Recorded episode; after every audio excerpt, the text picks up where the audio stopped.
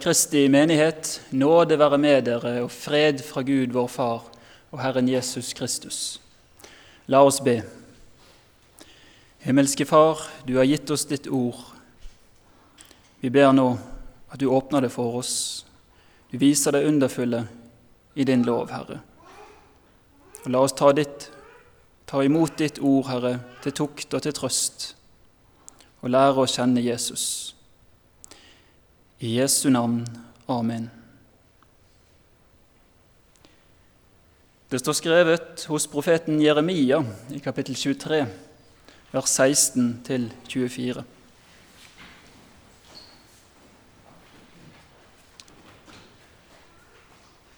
Så sier Herren, herskarenes Gud, hør ikke på disse profetenes ord når de profeterer for dere.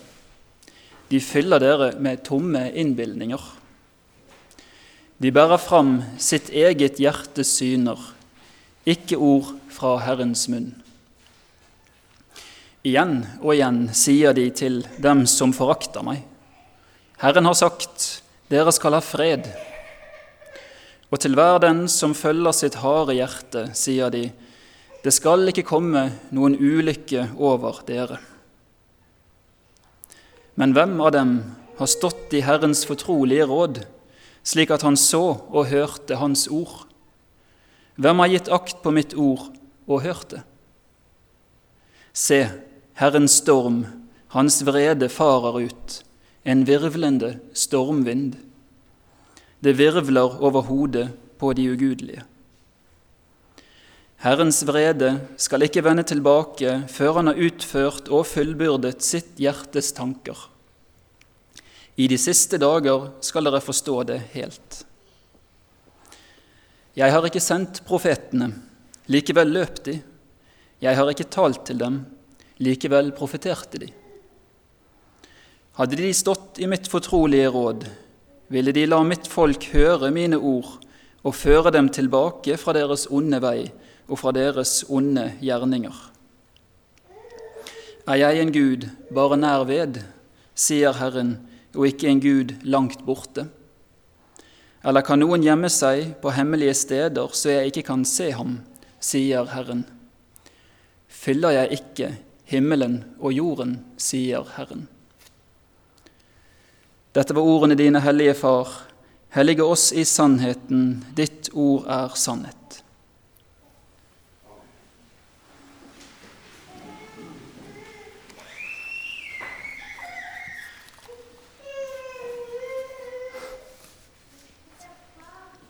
Vi befinner oss rundt århundreskiftet mellom 600 år før Kristus og 500 år før Kristus.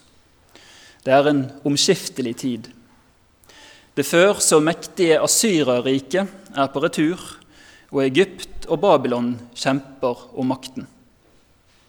Mellom dem står Juda, nå, nå alene etter Nordrikets endelige fall for Asyria omtrent 100 år tidligere. Det står ikke godt til i Juda.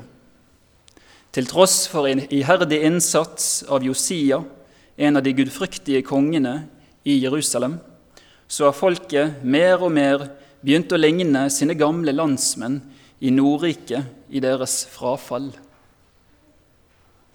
I det ytre holder de fast på Moselovens institusjoner, som tempelet, omskjærelsen, ofringene, prestene osv. Men i hjertet er de borte fra Herren, og livet deres bærer preg av det.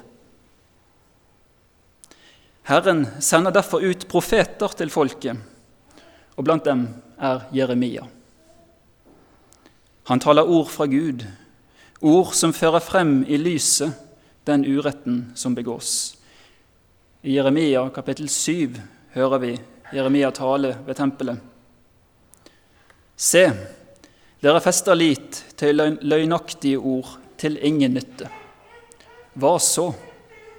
Dere stjeler, slår i hjel, bryter ekteskapet, sverger falskt og brenner røkelse for Baal og følger andre guder, som dere ikke kjenner. Og så kommer dere og står frem for mitt åsyn i dette huset som er kalt med mitt navn, og sier:" Vi er frelst. Og så vil dere fremdeles gjøre alle disse motbydelige tingene. Altså, folket lever i strid med de ti bud og vender ikke om fra sin synd, men insisterer samtidig på å holde fast på en ytre religiøsitet i tempelet, og de regner seg som frelst. Gud kaller folket til omvendelse, og han advarer dem mot ulykke hvis de ikke vil høre og vende om. Tempelet vil bli ødelagt like som det gamle tabernakelet ble ødelagt, og folket vil bli kastet bort like som Efraims ett, Nordriket Israel. Jeremias forkynnelse gjør nok inntrykk på folket, og noen er det nok som vender om. Men de fleste vil ikke høre. Men dere hørte ikke, og jeg kalte på dere, og dere svarte ikke, sier Herren. Men det står også frem andre profeter. Det var i hvert fall det de kalte seg selv. De har et ganske annet budskap til folket enn Jeremia. De sier, 'Herren har sagt, dere skal ha fred.' 'Det skal ikke komme noen ulykke over dere.' De falske profeter blir populære. De møter ikke forfølgelse og forakt, slik Jeremia gjorde. I folkets øyne er disse andre profetene bedre enn den tunge og utfordrende Jeremia og hans omvendelsesforkynnelse. Herren sender så et ord til Jeremia om disse profetene. Og dagens tekst er et utdrag fra dette avsnittet. Vi hørte Så sier Herren, herskarenes Gud. Hør ikke på disse profetenes ord når de profeterer for dere. De fyller dere med tomme innbilninger. De bærer fram sitt eget hjertes syner, ikke ord fra Herrens munn.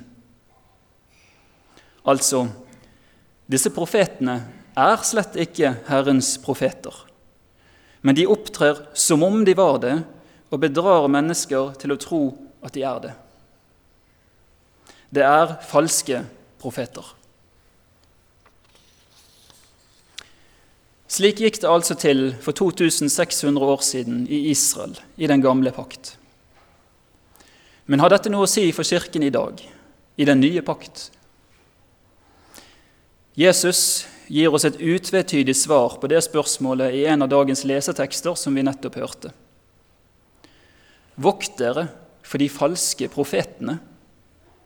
De kommer til dere i fåreham, men innvendig er de glupende ulver. Matteusevangeliet kapittel 7. Altså, fenomenet falske profeter er like aktuelt i kirken i dag som det var det for Juda og Jerusalems innbyggere på Jeremias tid. Formaningen denne søndagen er nettopp å vokte seg for de falske profetene og ikke følge deres lære. Fra ulike synsvinkler går denne formaningen igjen i alle tekstene for i dag. Dermed blir det avgjørende å identifisere de falske profeter, eller å prøve åndene, som apostelen Johannes sier. For hvis vi skal vokte oss for dem, så må vi jo kunne kjenne dem igjen og skille dem fra Guds sanne tjenere. Men nettopp her ligger problemet. For de kommer i fåreham, sier Jesus. De falske profetene opptrer som om de var Guds sanne tjenere og profeter. De omskaper seg selv til noe de ikke er. Jesus gir oss det grunnleggende prinsippet for å identifisere de falske profetene. På fruktene skal dere kjenne dem. Sanker en vel druer av tornebusker eller fiken av tisler? Slik bærer hvert godt tre god frukt, men et dårlig tre bærer dårlig frukt. De falske profetene kan altså identifiseres ved fruktene eller konsekvensene av deres vantro. Men siden vi ikke har tilgang til det enkelte menneskes hjerte og tro, med mindre da Herren skulle åpenbare dette slik han gjorde det for Jeremia og andre profeter, så har Kristus altså gitt oss dette ytre kriteriet. De falske profeter skal kjennes på fruktene, på konsekvensene av sin vantro. Men hva kan det konkret dreie seg om? Jesus går ikke i detalj her, men nøyer seg med å slå fast det grunnleggende prinsippet. Jeremia, derimot, taler mer konkret om hva som kjennetegnet de falske profetene i hans samtid. Og det er ikke noe nytt under solen. De samme kjennetegn, de samme frukter, gjør seg gjeldende hos vranglærere og falske profeter den dag i dag. For det første kan den dårlige frukten vise seg i livet til den falske profeten. Rett forut for dagens tekst sier Herren gjennom Jeremia til profetene. Både profet og prest er gudløse, endog i mitt hus har jeg funnet deres ondskap. Og, men også hos Jerusalems profeter har jeg funnet grufulle ting.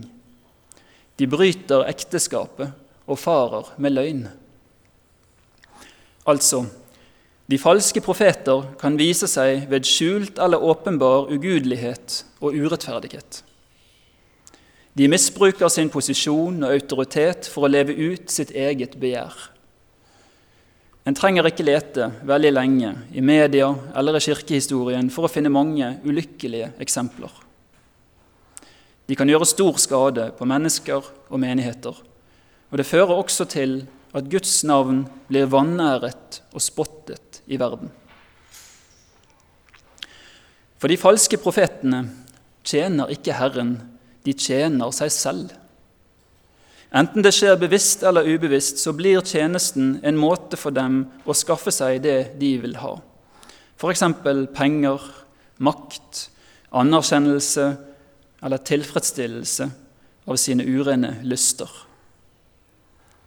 Paulus sier om vranglærerne i Romerbrevet kapittel 16. Disse tjener ikke vår Herre Jesus Kristus, men sin egen buk. Jeg undrer meg, tenker de falske profetene på at det kommer en dom? For det andre kan den dårlige frukt vise seg i læren til de falske profetene. Dette kan skje på ulike måter. På Jeremias tid var det særlig lovløshet som gjorde seg gjeldende. Vi hørte igjen og igjen sier de til dem som forakter meg, Herren har sagt, dere skal ha fred. Og til hver den som følger sitt harde hjerte, sier de, det skal ikke komme ulykke over dere. De falske profeter på Jeremias tid var altså ikke villig til å forkynne Guds lov eller utfordre noen til omvendelse, selv om folket i sin forvillelse sårt hadde behov for nettopp det. De ville ikke si sannheten, og de hadde ingen iver for sannheten. De var i det hele tatt meget pragmatiske. For den som vil ha fremgang og popularitet, og som vil dra fordeler av tjenesten, så er omvendelsesforkynnelse og iver for Guds ords sannhet selvsagt ikke noe alternativ. For med iver for det som hører Gud til, følger alltid verdens fiendskap, og dermed risiko for lidelser og tap. I stedet styrket de falske profetene folkets vantro. Med den autoritet som lå i profettjenesten, sanksjonerte og legitimerte de ugudeligheten og urettferdigheten når de sa:" Så sier Herren, dere skal ha fred. Dermed ble folket forskanset i sin vantro og synd, tilsynelatende med Guds navns egen autoritet. Dette er en fryktelig side ved vranglæren. Gjennom en falsk etterligning av evangeliet blir mennesker forledet til å tro at alt står bra til, mens de egentlig er langt borte fra Gud i sin vantro. Dermed går mennesker fortapt som kanskje kunne blitt frelst, og det er til og med under dekke av Guds hellige navn. På denne bakgrunn kan vi forstå Herrens vrede mot de falske profetene. Se, Herrens storm, hans vrede farer ut, en virvlende stormvind. Det virvler over hodet på de ugudelige. Dette var ikke bare aktuelt i Israel på Jeremias tid. Peter sier i sitt andre brev, i kapittel 2 men det sto også frem falske profeter i folket, altså israelsfolket. Slik skal det også blant dere komme falske lærere, slike som lurer inn vranglære som fører til fortapelse. Altså, vranglæren fører også i dag til at mennesker går fortapt. Vranglæren forvansker og ødelegger evangeliet slik at mennesker hindres fra å komme til tro på Jesus Kristus og bli frelst.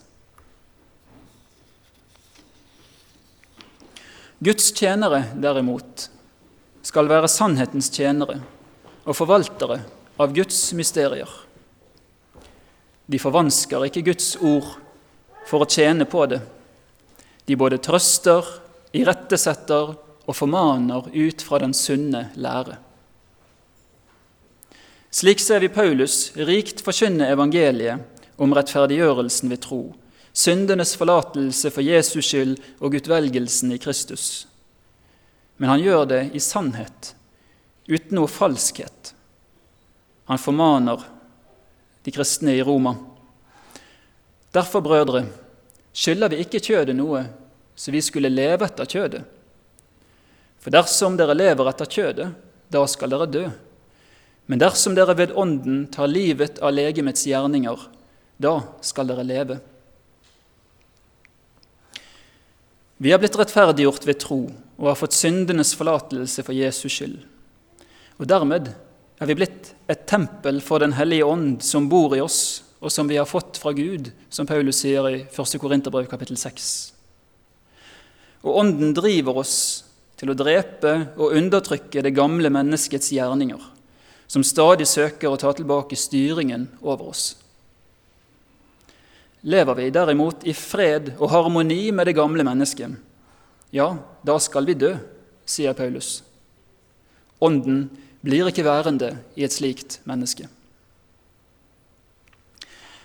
En falsk profet av det lovløse slaget ville neppe ta slike ord som dette i sin munn. Han har jo selv ikke del i livet i Ånden og kan ikke formidle det for andre. Og selv om han kunne det, ville han avstått fra det. Det er for risikabelt og utfordrende, både for ham selv og andre. I stedet forkynner han et annet evangelium som er kompatibelt med det gamle mennesket, og bekrefter mennesket i sin synd og vantro. Vokt dere for vranglære av denne typen, for den er meget vanlig i dag. Slik forkynnelse vil appellere til vår syndige natur. Vi undervurderer denne vranglæren hvis vi tror at vi ikke kan fristes av den.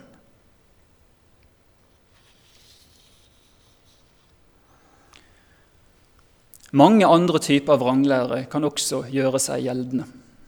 I dagens lesetekst fra Johannes første brev i kapittel 4 er bakgrunnen en såkalt gnostisk vranglære som fornektet at Kristus er sant menneske, og dermed ødela hele evangeliet på den måten. Men det ville føre for langt å forsøke å ramse opp alle de forskjellige typene vranglære, og det er heller ikke min hensikt. Jeg rekker f.eks. heller ikke gå inn på judaistenes listige vranglære som Paulus bekjemper i Galaterbrevet. Men dette har all vranglære til felles. Det er i strid med Guds ord og med evangeliets sannhet. Herren sier om de falske profetene. De bærer frem sitt eget hjertes syner og ikke ord fra Herrens munn. De falske profetenes lære er deres egne drømmer og fantasier og har ingen eksistens utover det. De har ikke hentet sin lære fra Guds ord. Herren sier, men hvem av dem har stått i Herrens fortrolige råd, slik at han så og hørte Hans ord? Hvem har gitt akt på mitt ord og hørt det? De falske profetene har ikke noe fellesskap med Gud og gir dermed heller ikke noe akt på Hans ord. Kanskje har de en viss kunnskap om Ordet, men da de ikke kjenner Gud, forholder de seg først og fremst til sine syner og tanker og drømmer og bygger sin lære og sin forkynnelse på det. De står frem og taler i Guds navn og utgir sin egen lære og sine egne tanker for å være Guds ord. Slik vanærer de Guds navn. Herren sier, 'Jeg har ikke sendt profetene, likevel løp de.' 'Jeg har ikke talt til dem, likevel profeterte de.' Herren kaller dem løgnprofeter, og det er de. Dette er ikke annerledes i dag enn det var på Jeremias tid.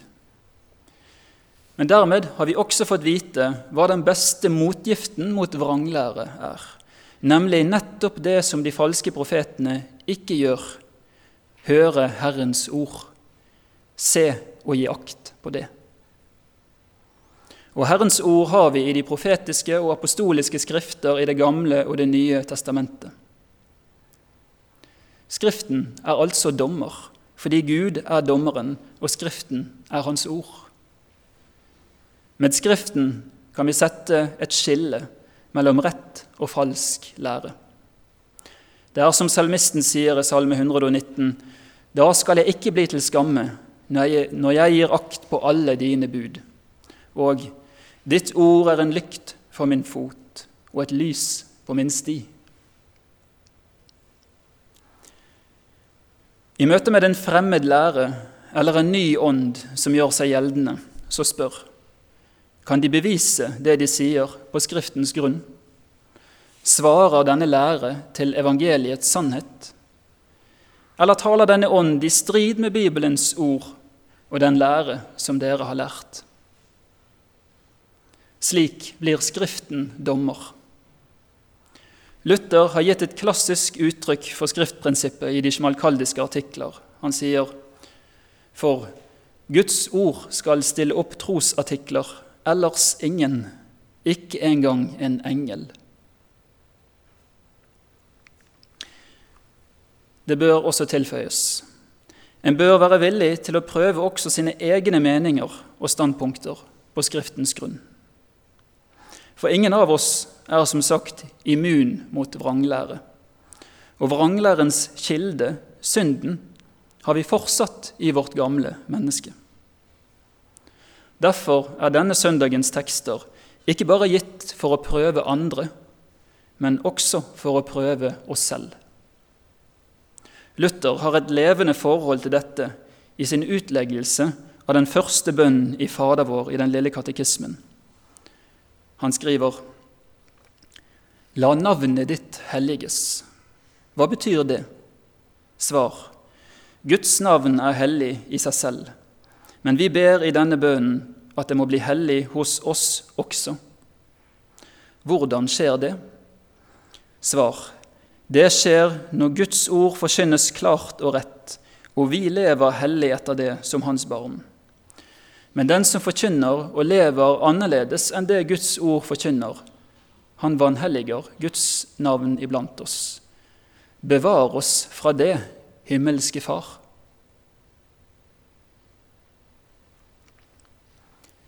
De falske profetene ville ikke holde seg til Herrens ord. Dermed gikk de også glipp av hele evangeliet. De gikk glipp av disse ordene som Herren også talte gjennom profeten Jeremia rett forut for dagens tekst. Se, dager kommer, sier Herren, da jeg vil la det stå frem for David en rettferdig spire, Han skal regjere som konge og gå frem med visdom og gjøre rett og rettferdighet i landet. I hans dager skal Juda bli frelst og Israel bo trygt. Dette er det navnet han skal kalles med, Herren vår rettferdighet. Dette er evangeliet. Messias navn er Herren vår rettferdighet. For han er virkelig vår rettferdighet for Gud ved troen. Slik kan vi ha frimodighet for Gud og fred i samvittigheten. Dette budskapet er en fagerskatt, det er en perle. Ved det blir vi også frelst, om vi holder fast på det. Derfor må vi også være klare til forsvar når noen forsøker å røve det fra oss med løgn og fagre menneskelærdommer. Vokt dere derfor Guds menighet for de falske profetene. Ære være Faderen og Sønnen og Den hellige ånd, som var, er og være skal, en sann Gud velsignet i evighet. Amen.